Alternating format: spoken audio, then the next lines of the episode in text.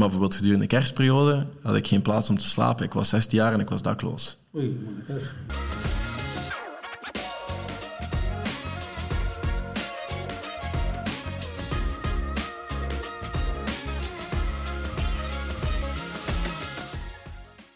We zijn van plaats veranderd. Eh, ja, soms had het een keer allemaal een beetje mis. En deze en vorige week ging het helemaal mis. Ik heb een afspraak verzet met eh, iemand uh, waarmee dat ik een podcast ging opnemen vorige week. Dat is helemaal misgelopen. En vandaag had ik ook een afspraak met iemand anders om een podcast op te nemen. En die heeft gisteravond mij een mailtje gestuurd dat ze liever dit wou uitstellen. Dus um, we zitten aan plannen F ondertussen. En dan heb ik gezegd, weet je wat, want Hamid wou dat heel graag een keer doen. Je mag mij interviewen. En dan um, zitten we hier nu en we hebben een keer van plaats gewisseld. Bij deze. Ja, we gaan eraan beginnen, Hamid. Ja. Uh, ik ben ontzettend blij dat ik eigenlijk dit uh, gaan doen. Dus oh, de rol een beetje gewoon uh, omkeren. Vorige Ja, keer stond ik aan de andere kant. En dan ben ik ja, nu vandaag eh, als interviewer. Ja, moest je trouwens deze podcast nog niet geluisterd hebben, vorige week heb ik het omgekeerde gedaan, hebben we Hamid Ja. geïnterviewd. Dus je kan deze podcast ook nog een keer aan bekijken.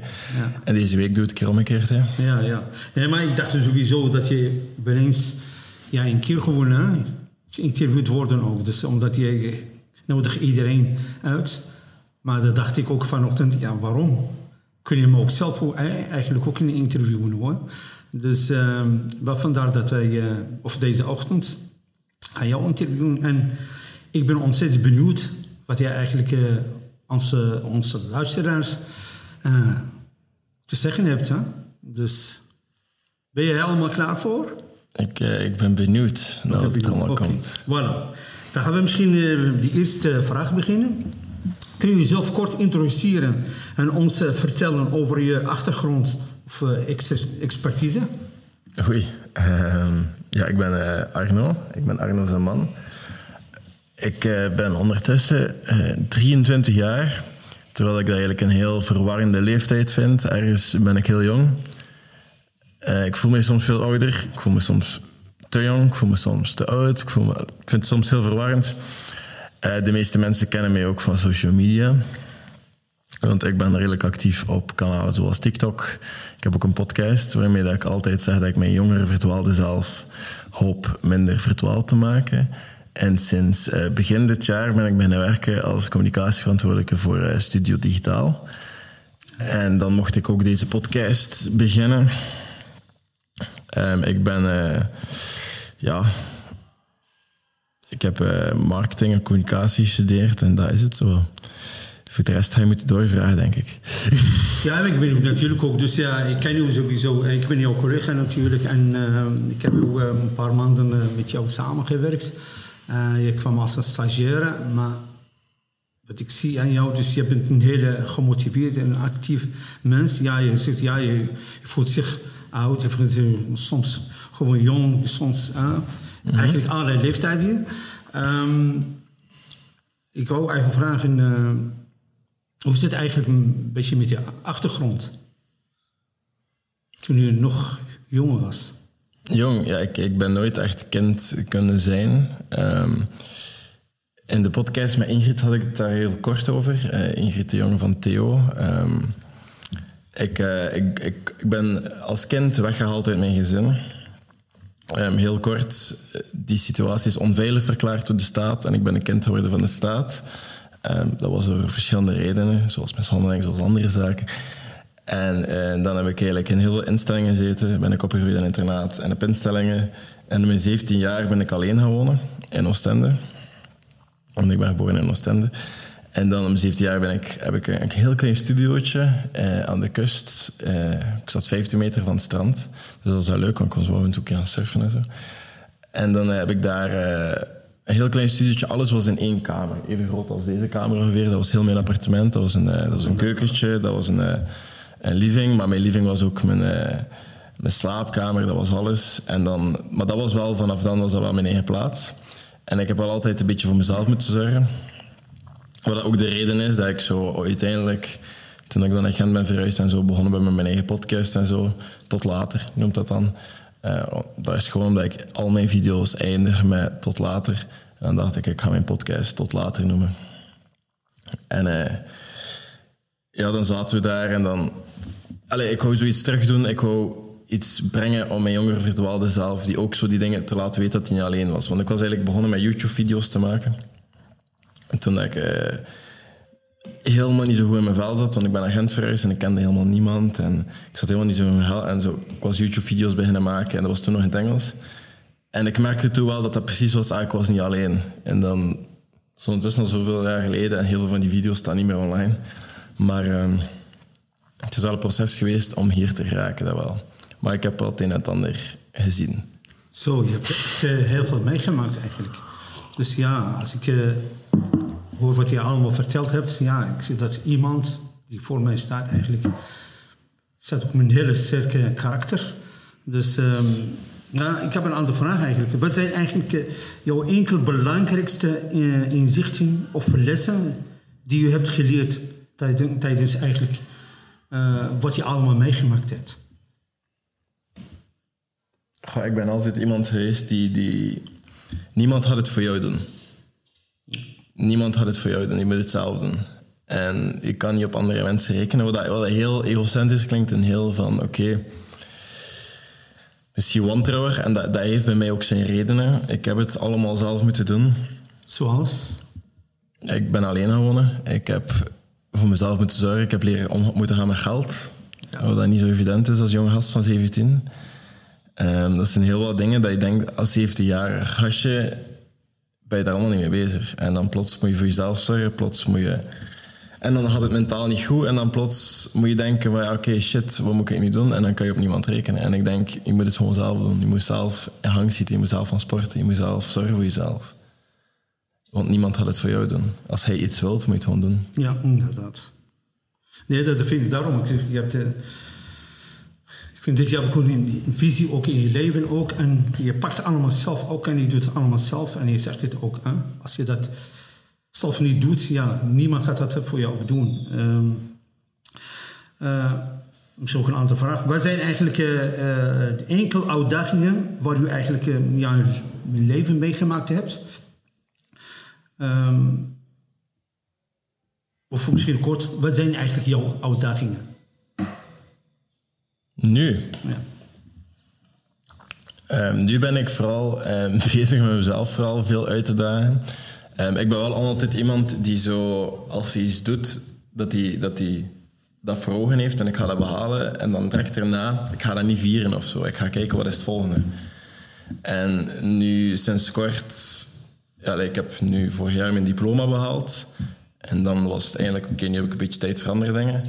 En dan was het oké, okay, maar fysiek, ja, ik heb zo twee aspecten. Ik heb zo mijn doelen dat ik heb, dat losstaan van al hetgeen dat ik, dat ik wil bereiken. Dat is dan werk, of dat is dan iets oprichten, of eigen zaakjes, of, of projectjes voor andere jongeren, of de podcast. Dat kan allemaal die zaken zijn, maar dan heb ik ook zo mijn fysieke dingen, want ik ben heel veel met sport bezig, ik ben heel wel bezig met hoe ver kan ik mezelf fysiek, maar ook mentaal brengen. En nu was dat oké. Ik, ga, ik heb dat... In 1 januari had ik dat met een maat besproken. Ik ga een marathon lopen naar Rotterdam. En die maat zei dat tegen mij. Het ding is dat je dat tegen mij zegt, ik schrijf onze dag nadien in. Dus ik had dat gedaan. En dan nu de marathon gelopen, dacht ik, oké, okay, het is niet de tijd dat ik wou lopen, maar wat is het volgende? Nu Ultra 2 oktober, 67 kilometer. En dan daarna hoop ik een 100 kilometer te lopen. En ik ben wel zo iemand, mijn droom is altijd om ultraruns te doen en echt heel ver en te kijken hoe ver ik mentaal kan geraken op sommige dingen. Maar dat ga je niet van de eerste keer bereiken. Je hebt zo van die kleine dingetjes nodig ondertussen. Dus daarom eerst de marathon, dan het volgende, dan het volgende. En ik heb wel altijd iets voor, ogen nodig. Nu ben ik bezig met seizoen 2 van mijn eigen podcast. Ik ben allemaal aan het schrijven, ben allemaal mee bezig. Maar ik heb altijd wel iets nodig om aan te werken. Omdat ik geloof, je hebt de richting nodig om vooruit te gaan. Want ik denk, richting is... Allez, het gebrek aan richting is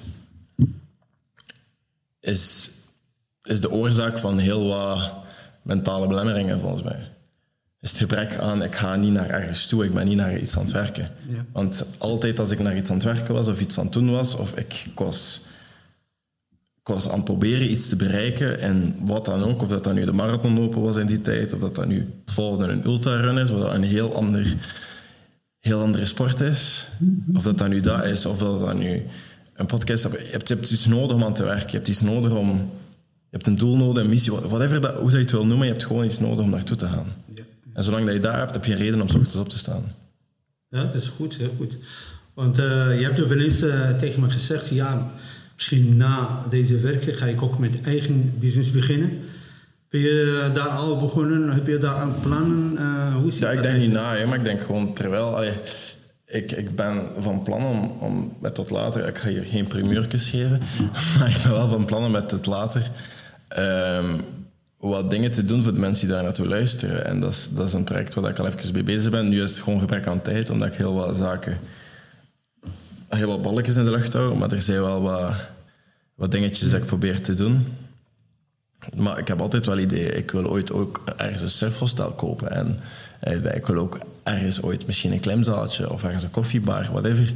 Dat zijn wel allemaal dingen dat ik nu... Maar nu is dat eerst een appartementje Gent kopen. En, en dan zie je wel... Ik denk niet dat je... Ik, ik vind het leuk om te dromen en vooruit te denken. Maar je moet ondertussen ook wel het volgende kunnen doen.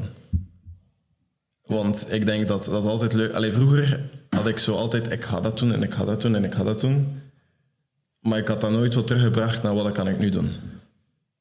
Ik nu weet ik, ik ga later wel surfhostelletjes en whatever kunnen kopen.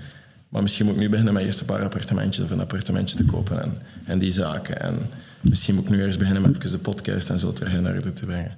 Of misschien moet ik nu beginnen met, met er wat serieus te sporten en mijn routine in orde te brengen voordat ik zover denk. Want mijn opvoeders zeiden ook altijd, Arno, voetjes op de grond.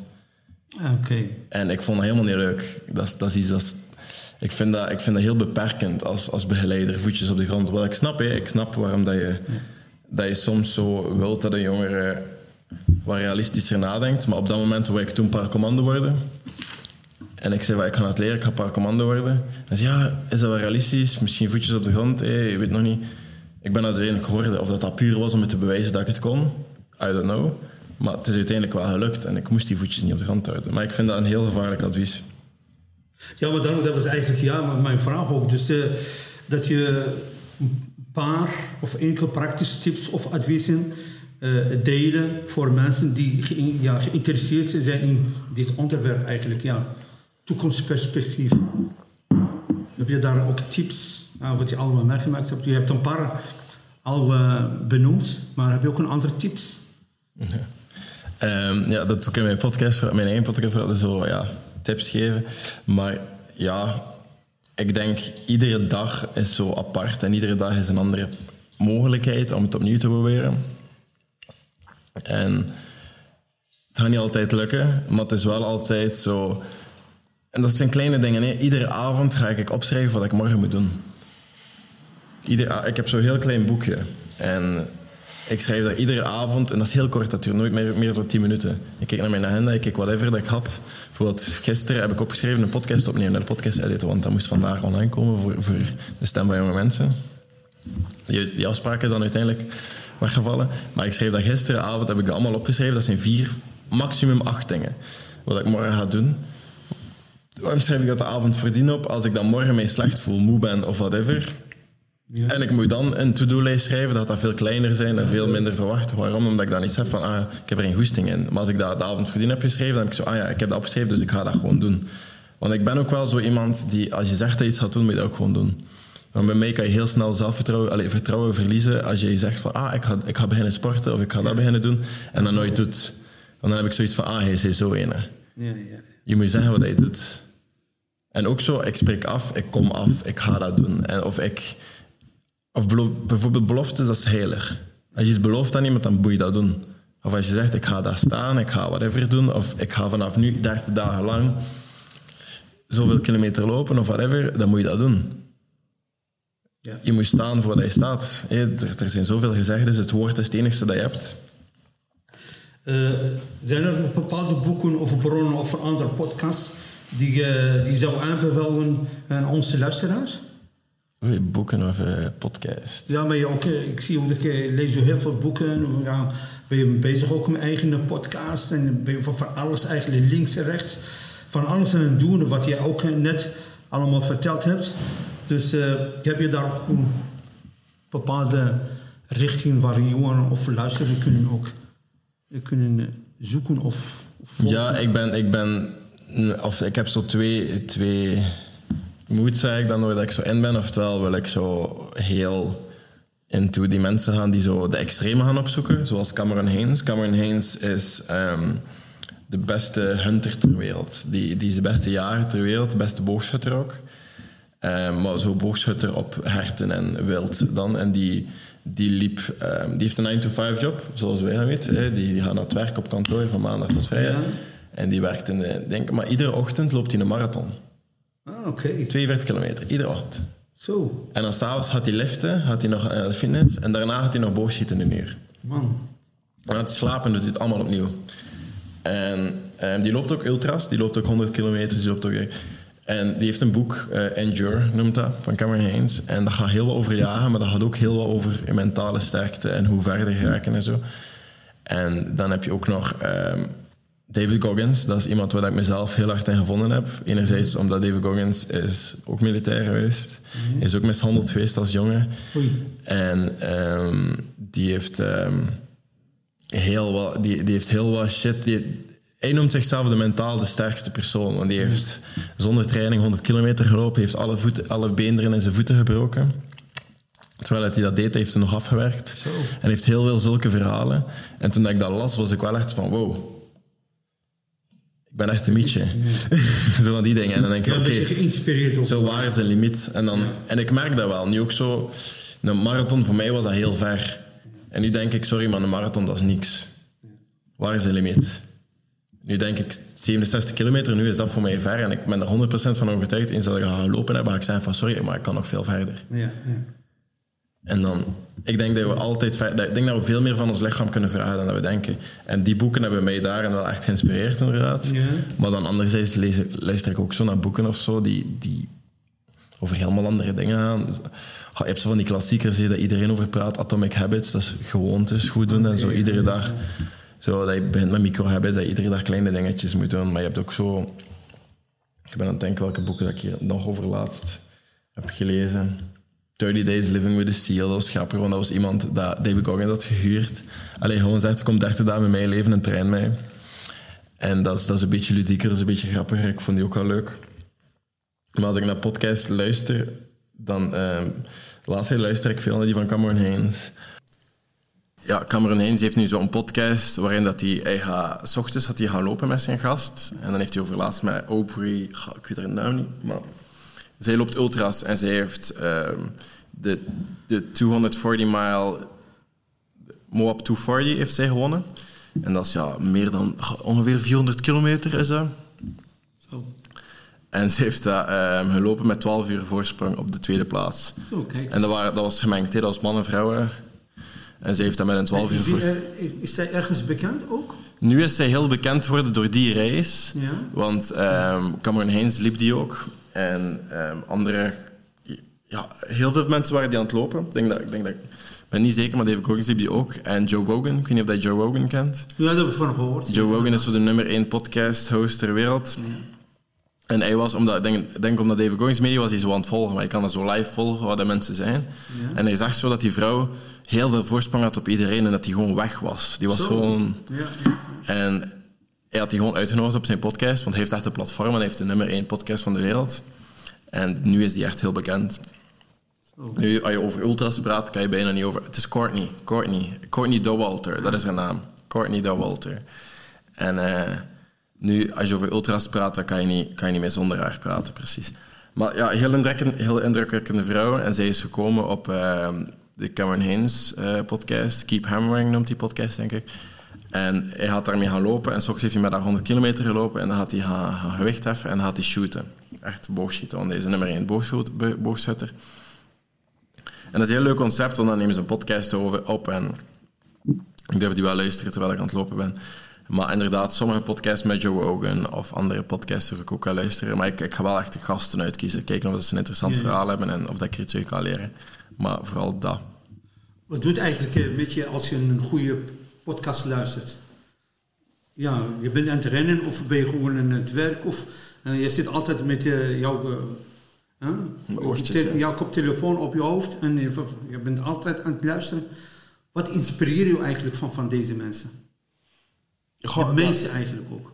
Het doen, want ik ben heel actiegericht en ik wil echt wel graag dingen doen. Maar het feit dat ik altijd dingen luister, is ik ben heel, hoe zeg je dat, ondergestimuleerd. Als kind was ik in de klas altijd afgeleid. Ik was een super irritant kind. Oei, oei, oei. Ik was, ik was na drie seconden afgeleid en ik was bezig met andere dingen. Ik zat met zes, bijvoorbeeld in het vijfde middelbaar, ik heb mijn vijfde jaar gedubbeld. Ehm, enerzijds omdat ik in instellingen zat. Had je ADHD of zo? Ja, waarschijnlijk, maar niet op papier. ik heb dat ooit getest. Dat is Ja? ooit getest. Ehm, want ik zat in instellingen en bij CLB heb ik wel wat testen en zo moeten doen. En dan moest ik ook naar een psychiater, moest ik opnieuw laten testen. En dan zei je hebt hoogstwaarschijnlijk ADD of ADHD. Ah. Maar je moet daar volgende keer voor terugkomen. Ik ben nooit meer terug. het terugkomen. Dus je hebt er nooit vastgesteld. Dus dat staat niet op papier. Ik weet dat ik hoogstwaarschijnlijk wel een van die dingen heb. Maar ik heb die bevestiging niet nodig op papier. Maar ehm terug te komen op een verhaal was ik dat wel zo... In de klas was ik dan super afgeleid. En ik was altijd wel inderdaad zo bezig met andere dingen. En dan zaten we bijvoorbeeld met zes in de klas. Ja. Ze zetten ons allemaal apart, omdat wij allemaal zulke hasjes waren. En ik zat van de ene klas naar de andere klas te roepen. Want wij zaten voor Frans bijvoorbeeld in humane, humane wetenschappen waren wij gemixt. Dat waren allemaal meisjes en dan zes topsportwetenschappen. En ik zat in wetenschappen, alleen sport. En wij waren zes alfamannetjes.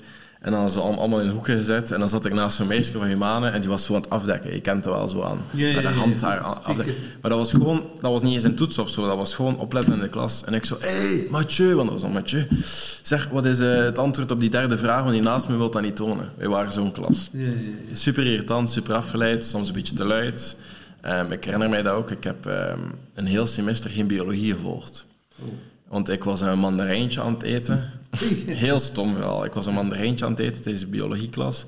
En ze zei, Arno, stop met eten. Maar ja, ik had op dat moment niks te verliezen. Ik zat op internaat en in instelling. Ik zei, wat ga je doen? Ga je mijn instelling steken? Ken het? Dat Zo. was heel koppig. Ja, maar zo, wat konden ze doen? Ja, ze konden niet naar mijn ouders bellen, ze konden niks doen. Ik was mijn Ja. eigen ding. Dus ik was zo heel, ja, ik was heel eh, eigenwijs. en dan, ik zei, ja, sorry, maar ik heb honger, ik ga dat opeten. En ze pakt zo trillend met haar hand de telefoon vast. Zo, ja, wil je Arno komen halen? Ik zei, je moet er voor het secretariaat niet bellen, ik ga zelf wel gaan. Maar ik ga niet meer terugkomen naar jouw les. Hè. Oei. Ik ben nooit meer teruggegaan naar haar les. Ik heb heel dat vak zelfstudie gedaan, ik was nooit gebuist. Oei, kijk. Maar... eh, Ja, heel goed. ja, ja, maar ja, ik ben wel nooit naar haar les geweest, dus ik was echt wel een kutkind. En ik weet dat van mezelf ook. Oei, oei, oei. Ik weet dat van mezelf ook, maar ik denk gewoon dat ik wat, wat dingen had te verwerken. En dat dat gewoon... Ik was heel wat actiever en ik moest dat ergens kunnen uiten, denk ik. Maar ik heb uiteindelijk sport gevonden om dat te doen en dat is wel heel nice. Ja, dat is misschien ook een andere vraag. Eh, je hebt ook eigenlijk heel veel meegemaakt. Eh, wat doet dit eigenlijk met je? Kijk je weer aan- ook wel eens ook naar wat je allemaal meegemaakt hebt? Ja, ja, ja. Je jeugd eigenlijk? En wat Maar doet nu, dit nu eigenlijk? minder, nu minder. Ik zie dat als een, eh, als een schoendoos. Ik heb ooit die oefening gemaakt, dat als een schoendoos. En een schoendoos dat je met al die herinneringen en je, je trauma's dan zo gezegd. ja, trauma's inderdaad. En dat, is, dat, is, dat stikt allemaal in een doos. En soms moet je die open doen, soms moet je daar een keer aan wandelen. Soms moet je daar een keer dingen uithalen, soms moet je daar een keer dingen bij steken. En soms, je moet daar eigenlijk altijd op verkenning gaan. Maar eigenlijk, nu, ben, ik- nu heb ik er vrede mee genomen dat die doos daar staat. Ik heb het precies niet meer nodig om die open te doen. Ik kan die open doen. Ik, ik weet perfect wat er allemaal in ligt. Ik kan daarin rondwandelen, ik kan dat zien, ik kan bekijken wat ik allemaal mee. Maar ik heb het precies niet meer nodig. Ik weet dat dat daar is, ik weet dat, dat ik dat heb gedaan. Maar ergens weet ik ook wel dat dat de persoon heeft gemaakt wie dat ik nu ben. Ja. Ik denk, moest je mij vragen om dat allemaal opnieuw mee te maken, om al die dingen opnieuw te doen, hoe raar dat ook klinkt, ik zou ja zeggen. Toch wel. Ik zou ja zeggen, gewoon omdat ik ben heel blij met de persoon met wie dat ik nu ben. Ja. Ja. Ik ben heel blij met wie dat ik nu ben en wat ik nu kan en hoe dat ik nu denk. En ik denk, moest ik al die dingen niet meegemaakt hebben, ga ik dat misschien niet gehad hebben. Ja, dat is een hele ervaring natuurlijk ook. Dus, hè, dus het, niet iedereen eh, meemaakt natuurlijk ook. Ja, het is een hele moeilijke jeugd eh, gehad. Maar ja, ik zie het eigenlijk, ja, de resultaat daarvan ook. Dus ja, je hebt gestudeerd, je hebt gewoon een diploma ook gehad. En dus eh, nu heb je direct een job en ook je droomt ook voor eigen, eigen bedrijf te, te starten en zo. Dus ja, het is een hele... Ja, Ik, eigenlijk ik droom van alles, weet ja, dus, eh, ja. Eh, hoe blijf je eigenlijk op de hoogte van je nieuwe ontwikkelingen? En blijf je jezelf verbeteren ook? Tuurlijk. Ik denk dat dat nooit stopt. Maar ja, anderzijds om op je vorige vraag terug te komen, zo van... Ik denk dat is, dat is goed, hè, dat ik, dat ik ben geworden wie dat ik ben. Maar ik denk anderzijds heb ik ook wel die bewijsdrang. Die bewijsdrang tegenover mezelf. Want ik had altijd... Ik had niemand, hè, want ik heb in de podcast gezegd dat ik het altijd zelf moest doen. En dat niemand het voor jou gaat doen. Maar dat brengt ook ergens die serieuze bewijsdrang. Want ik wil het altijd gewoon doen en ik wil dat ik een bewijs naar mezelf. Want het enigste zo... Want het, nooit zegt iemand... Allez, heeft nooit, heel mijn jeugd heeft nooit iemand gezegd tegen mij, je bent goed bezig. Je bent goed bezig, je bent er goed aan het doen. Ah, complimenten, ja. En de enigste validatie die ik kreeg was door wedstrijden te winnen. Was door medailles te winnen in sporten. Was door, uh, was door dingen te behalen, goede punten, whatever. Hè, zo, was door echt te, dingen te bereiken. En dat heeft mij enorme bewijsdrang gegeven van ik moet dingen bereiken, want dan gaan mensen mij valideren. Ja, ja. En ik vind dat ergens niet erg, want dat zorgt ervoor dat ik altijd werk naar het volgende. Maar ergens is dat misschien ook vermoeiend. Ik vind dat nu niet altijd vermoeiend. Ik vind dat misschien wel iets goed. Want het leven is vermoeiend. Ik denk dat wij 70% van onze tijd dingen gewoon moeten moet doen, maar dat de meeste mensen dat gewoon niet kunnen. Ja, inderdaad. Ja, ja, ja. Maar uh, wat was je vraag nu weer? Uh, ja, hoe blijven op de hoogte van je ontwikkelingen ook. Hè? En, en blijven jezelf ook ver, hè? verbeteren. Ik denk dat er altijd verbetering is. Ik denk dat altijd, als ik nu kijk naar mijn podcast van drie jaar... Ik ben drie jaar geleden gestart met de podcast. Um, of ja, in december is het drie jaar. En als ik luister naar mijn eerste podcast, ben ik daar nu helemaal niet meer akkoord mee. En dat is wel leuk, want je groeit ook, je verandert ook als persoon. Dat is de bedoeling dat je verandert als persoon. Dat is de bedoeling dat je wel wijzer wordt, dat je wel slimmer wordt, dat je eruit leert. Maar ik denk ook wel dat dat een proces is, maar ik denk ook wel dat je dat moet blijven doen. En ik ben ook wel zo'n beetje tegen die dingen. Iedere dag een procentje beter, iedere dag een beetje beter. Ik snap van waar dat komt. Waar komt je vandaan dan? Vertel eens. Maar dat is gewoon die motivatie speak. Ik snap wel het idee erachter, dat je zo'n procentje moet verbeteren en zo. En ik snap wel waarom de mensen dat zeggen. Maar ik denk ergens gewoon iedere dag proberen en iedere dag... Oh, ik denk, ik zie misschien een dag is iets dat je kan winnen. Een dag is iets dat je kan winnen of verliezen. En stel nu bijvoorbeeld, ik schrijf s'avonds de dingen op dat ik morgen moet doen. En ik slaag erin om al die dingen te doen. Ik maak nog tijd voor, voor mijn vriendin, voor mijn vrienden. Of ik maak tijd om te koken of iets leuk. En ik doe nog iets leuk dat, dat ik echt van kan genieten, bijvoorbeeld. Dat is cinema. Of een wijntje te gaan drinken op de kaai. Of, of whatever. Maar ik maak ook nog tijd om 20 kilometer te lopen. Of te, of te gaan sporten. Of naar de gym te gaan. En ik doe al die dingen. Dan vind ik voor mij dat ik die dag heb gewonnen. En soms ga ik dagen verliezen. Hè. Soms ga ik zoals gisteren dagen hebben dat ik niet naar de gym ben kunnen gaan. Dat ik niet naar de fitness ben maar dat ik gewoon s'avonds om tien uur in mijn bed lag omdat ik gewoon steendood was, dat ik super moe was. Maar ik denk wel, als ik op het einde van het jaar meer dagen heb gewonnen dan dat ik verloren heb, dan ben ik op weg naar iets goed. En ik denk dat dat zo een beetje beter is, want ik denk niet iedere dag kan je winnen, niet iedere dag kan je beter zijn dan gisteren. Kan jij tegen verlies? Ik kan niet tegen verlies. Ja. Dus daarom schiet in jou, ja, je van alles aan doen, en van links en rechts. Je hebt heel veel doelstellingen en ik zie ook gewoon aan. Ik ben heel slecht te verliezen. Maar eh, nee, pas op. Ik kan verliezen in spelletjes. Zo, in zo spelletjes kan ik verliezen. Durf, het kan zijn dat ik durf vals spelen, omdat ik heel Ja, we hebben ook van eens gedaan, ook met Joram. Hè? We hebben nog vast gespeeld. Hè? Omdat ik heel graag wil winnen. Dat, dat is gewoon zo. Ik win gewoon heel graag. Dat is gewoon leuk. Ik win heel graag en winnen is, is leuk. Ja, dat is een goede eigenschap ook, maar, winnen. Maar in een spelletje Monopoly of zo kan ik verliezen zonder probleem. Maar bijvoorbeeld als iemand gaat klimmen met mij en die klimt veel minder lang dan ik, of, die, of zelfs langer dan ik, en die klimt beter, ik ga dat zuur vinden. Ik ga willen winnen. Of ik ga willen sneller lopen, ik ga willen langer lopen. Als een maat van mij gaat lopen met mij, zijn maar zeker dat ik langer loop dan normaal ga lopen. Alexander was hier boven een keer gaan lopen met mij en zei, ja, ik ga maar 7 kilometer lopen. Ik zei, ja, is goed. We hebben er 12 gelopen. Toch Gewoon omdat ik een beetje wil pushen. Dat is gewoon hoe ik ben. En hij weet ja, dat Ik zie het ook. Dus jij doet ook bij mij eigenlijk, ja, je moet sporten, je moet die doen, moet die... Dus uh, ja, ik zie eigenlijk, uh, jij motiveert ook hè, uh, aan andere mensen ook om iets te doen of, ja, of om mee bezig te zijn. Dat vind ik eigenlijk een, een hele goede eigenschap van jou. is er nog iets anders dat je graag zou willen delen of waarvan je denkt dat het belangrijk is dat ons ja, luisteren luisteraars uh, het weten? Goeie vraag. Uh, wel, vorige podcast, Hamid, daarin vertelde je dat het altijd erger kan. En dan zei je ook op een bepaald moment dat andere mensen in jouw situatie hunzelf misschien van kant gingen maken. En ik kon dat toen heel goed begrijpen. Ik ging de podcast niet overnemen, want het ging over jou gaan. Maar ik kon dat heel goed snappen. En dat, ja, ik ben als jongere in 16 jaar, um, om even te schetsen jeugdzorg in België. Ik wil daar later ook nog heel wat rond doen en rond vertellen, uh, maar dat is voor later. Want ik heb wel heel wat gezien en om dat even een voorbeeldje te geven. Alle 16 jaar, ik, ik had een crisisopvang. Crisisopvang, wat dat wil zeggen, is je kan twee tot drie dagen ergens terecht in een instelling. En dat is echt crisis. Dat is nu even binnen. En ehm, zo is dat een heel lange tijd voor mij opgelost. In de week ging dan naar internaat en in het weekend was dat een crisisopvang. Totdat ik dan eigenlijk alleen kon op mijn 17. Dus de laatste jaar was echt zo instelling en eh, crisisopvang. Maar heel vaak zei mijn opvoedster toen van, eh, of mijn begeleider van CAW van Arno, sorry, dit weekend hebben we geen plaats voor jou. Maar iedere weekend, wanneer dat ik in CAW terecht kwam, alle, iedere weekend wanneer dat ik in een crisisopvang terecht kwam, waren er altijd andere kamers vrij, altijd bedden vrij. Ja. Maar soms, ja, nee, voor mij geen plaats. Maar je hebt gewoon, ja, heel veel gereel, heel veel wachtlijsten altijd, heel veel zever. En ik ben gedurende... Ik had geluk dat ik, dat ik wel wat vrienden had, maar bijvoorbeeld gedurende de kerstperiode had ik geen plaats om te slapen. Ik was 16 jaar en ik was dakloos. Oei, man. En dan moest ik in een andere familie kerstmis gaan vieren. En dan zei de tante van die maat van, zeg, heeft die jongen autisme? Puur omdat ik toen heel ja, afstandelijk was en misschien niet direct zou zeggen, maar ik denk, hoe zou je zelf zijn als 16 jaar kind die dakloos is, allee, die, die geen slaapplek heeft voor de komende twee weken en die bij een familie dat hij helemaal niet kent, moet kerstmis vieren. En zo heb ik wel heel wat scenario's gehad en op zich helemaal niet zo erg. Maar dan heb ik toen, ik, ik herinner me dat wel heel goed, toen heb ik wel op een bepaald moment zoiets gehad van, maar toen was het nog niet het ergste, maar toen heb ik wel iets gehad van, sorry, maar waarom is dit allemaal bij mij? Waarom gebeurt het allemaal bij mij? Waarom ben ik hier zo het slachtoffer? Want ik was wel zo serieus. Van, dit is allemaal met mij aan het gebeuren, ik heb geen slaapplek, ik ben mishandeld. Al die zaken, dat ik zoiets had van, waarom is dat met mij aan het gebeuren?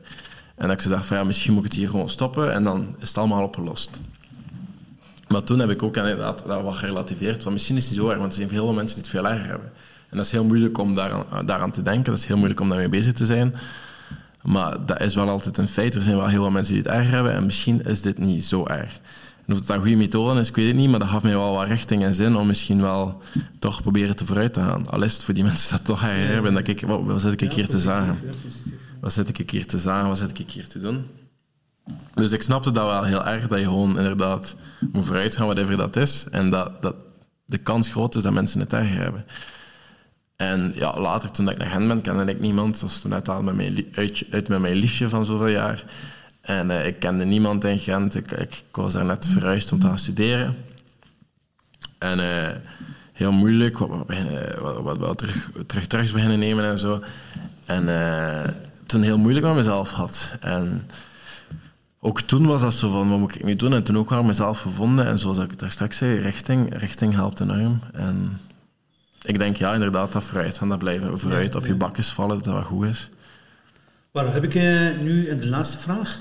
Eh, wat zou jij eh, onze jongeren van Studie Digitaal kunnen adviseren?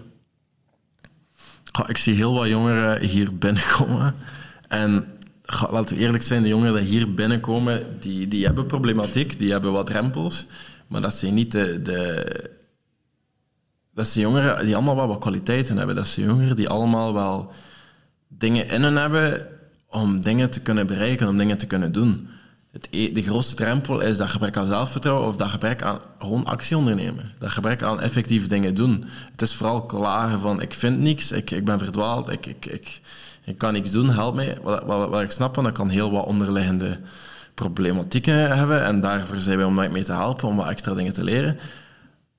Maar ik denk het, het, het heel veel dingen doen, heel veel dingen proberen, heel veel dingen experimenteren, dat dat een oplossing is voor heel veel zaken. Want ik ben altijd van overtuigd geweest dat je vooruit op je bakjes moet vallen. Dat je dingen moet doen, daarin moet falen. ja. Dat je daarin moet falen. Of misschien lukt het, hè. Maar ik denk gewoon dat ik in heel veel zaken al in mijn leven gewoon vooruit op mijn bakjes ben gevallen. Ik heb, allee, marketing communicatie was niet de eerste richting dat ik deed. Ik heb daarvoor een semester biologie gedaan. Dat was helemaal niks voor mij. Ik, ik, heb, ik heb bij de paras... ik heb zoveel gedaan. En altijd dingen geprobeerd. Ik, ik, ik kon er zomaar niet werken omdat corona was als surfinstructeur. Omdat al die reisjes waren afgepast en zo. Ik heb mezelf graffiti geleerd om jongeren graffiti te leren spuiten, dat ik toch een leuke studentenjob had. Allee, ik denk gewoon, je moet dingen proberen en je gaat wel altijd nieuwe dingen ontdekken over jezelf. Je gaat wel altijd zo vooruit gaan en zo jezelf leren kennen op een andere manier. En ik denk gewoon naar buiten gaan, binnenstappen ergens waar je misschien zou werken en denk van, check, sorry, maar ik, ik, ik heb waarschijnlijk niet... De, allee, heel veel jongeren hebben niet de diploma's of zo. Ik heb waarschijnlijk niet de kwaliteit dat je zoekt, maar ik wil hier wel leren. Ik wil hier twee weken of zo, whatever, meedraaien. Of wat kan ik doen om toch hier een job te doen. Maar alleen gewoon durven een, een stap in de deur te zetten. En dat is voor sommige jongeren moeilijk, maar gewoon dingen proberen, dingen doen. Niet enkel opleidingen, niet enkel dingen. Maar ook dat is al een grote stap. Hè. Ook al inschrijven voor de digitale sprint, bijvoorbeeld, voor effectief skills op te doen waar je effectieve werk mee... Dat is al een stapje voor heel veel jongeren. Maar ook gewoon daar effectief iets mee doen. Effectief mee gaan experimenteren. Effectief het werk doen. En niet altijd het werk doen als mensen het vragen, maar ook gewoon proactief. Ik denk, ik denk dat dat gewoon iets is waar heel veel van onze jongeren wel iets mee zou kunnen zijn. Ja, het is uh, ontzettend leuke tips. Uh, ik hoop dat onze jongeren ook deze ja, podcast kunnen luisteren ook. En ja, ja jouw verhaal, vanavond verhaal wat je allemaal meegemaakt hebt, dat was natuurlijk uh, niet makkelijk. Maar uiteindelijk, ja, je hebt toch jouw doel bereikt. Arno, ik wil jou ontzettend bedanken voor, ja, om mee te doen met, met deze podcast en de hele verhaal, boeiende verhaal eigenlijk, met onze luisteraars te delen. En ja, ik wens jou verder ontzettend veel succes met jouw leven. Ja, ja, merci, merci. Dus je kan abonneren op het kanaal, je kan nog uh, liken, je kan ons volgen op um, Instagram, Studio Digitaal. Wij posten daar heel veel op. Je kan ook onze website bekijken. Ja. Um, dus stel dat je een jongerenbegeleider bent, dat je jongeren hebt die um, wat zijn aan extra skills en digitale vaardigheden, bekijk onze website, schrijf je daarin. Ben je zelf iemand die daarin geïnteresseerd zou zijn? Hetzelfde, bekijk dat. Um, misschien kunnen wij wel iets voor jou betekenen. Wil je, vind je dat allemaal een stap te ver om direct ergens in te schrijven? Kom gewoon een keer langs op ons open café hier in de studio in Antwerpen. Van drie tot vijf op donderdag namiddag. En dan kan je gewoon even spelletjes spelen met Hamid. Hamid gaat nu vanmiddag spelletjes spelen en hij gaat daarna uh, met heel wat jongeren gaan feesten. Uh, hier in de Arenberg, in de Arenberg gaat hij eh, gaan feesten. Dat zijn onze jongeren die uh, bij studie, studie, Digitaal waren en zijn allemaal uitgestroomd. En hebben ze een baan gekregen en hebben ze deze event eigenlijk georganiseerd. Wat dat heel cool ja, is. is een hele mooi voorbeeld eigenlijk te kunnen geven ook. Ja. Hoe jongens bij ons komen en hoe worden we eigenlijk uitgestroomd. Ja, en die vinden dan werk en die hebben die een feestje georganiseerd en wij gaan... Allez, en weet daar met heel wat jongeren naartoe. Dus allee, je kan ook gewoon laagdrempelig gewoon een keer binnenkomen. Wat, wat zijn jullie, wat doen jullie? En dan um, kunnen we weer bekijken wat we voor jullie kunnen doen. Wij zijn geen secte, wij zijn geen dingen. Wij, ja. wij helpen gewoon jongeren. Wij zijn volledig gefinancierd. Dat is ook de reden dat wij al die dingen gratis kunnen doen. Maar uh, merci om te luisteren. En we zien jullie volgende week met een andere podcast. Hopelijk zijn mijn gasten niet allemaal nog een keer af. En dan zie ik jullie terug om 17 uur. Volgende week donderdag met een andere podcast. Salut. Ja, salut.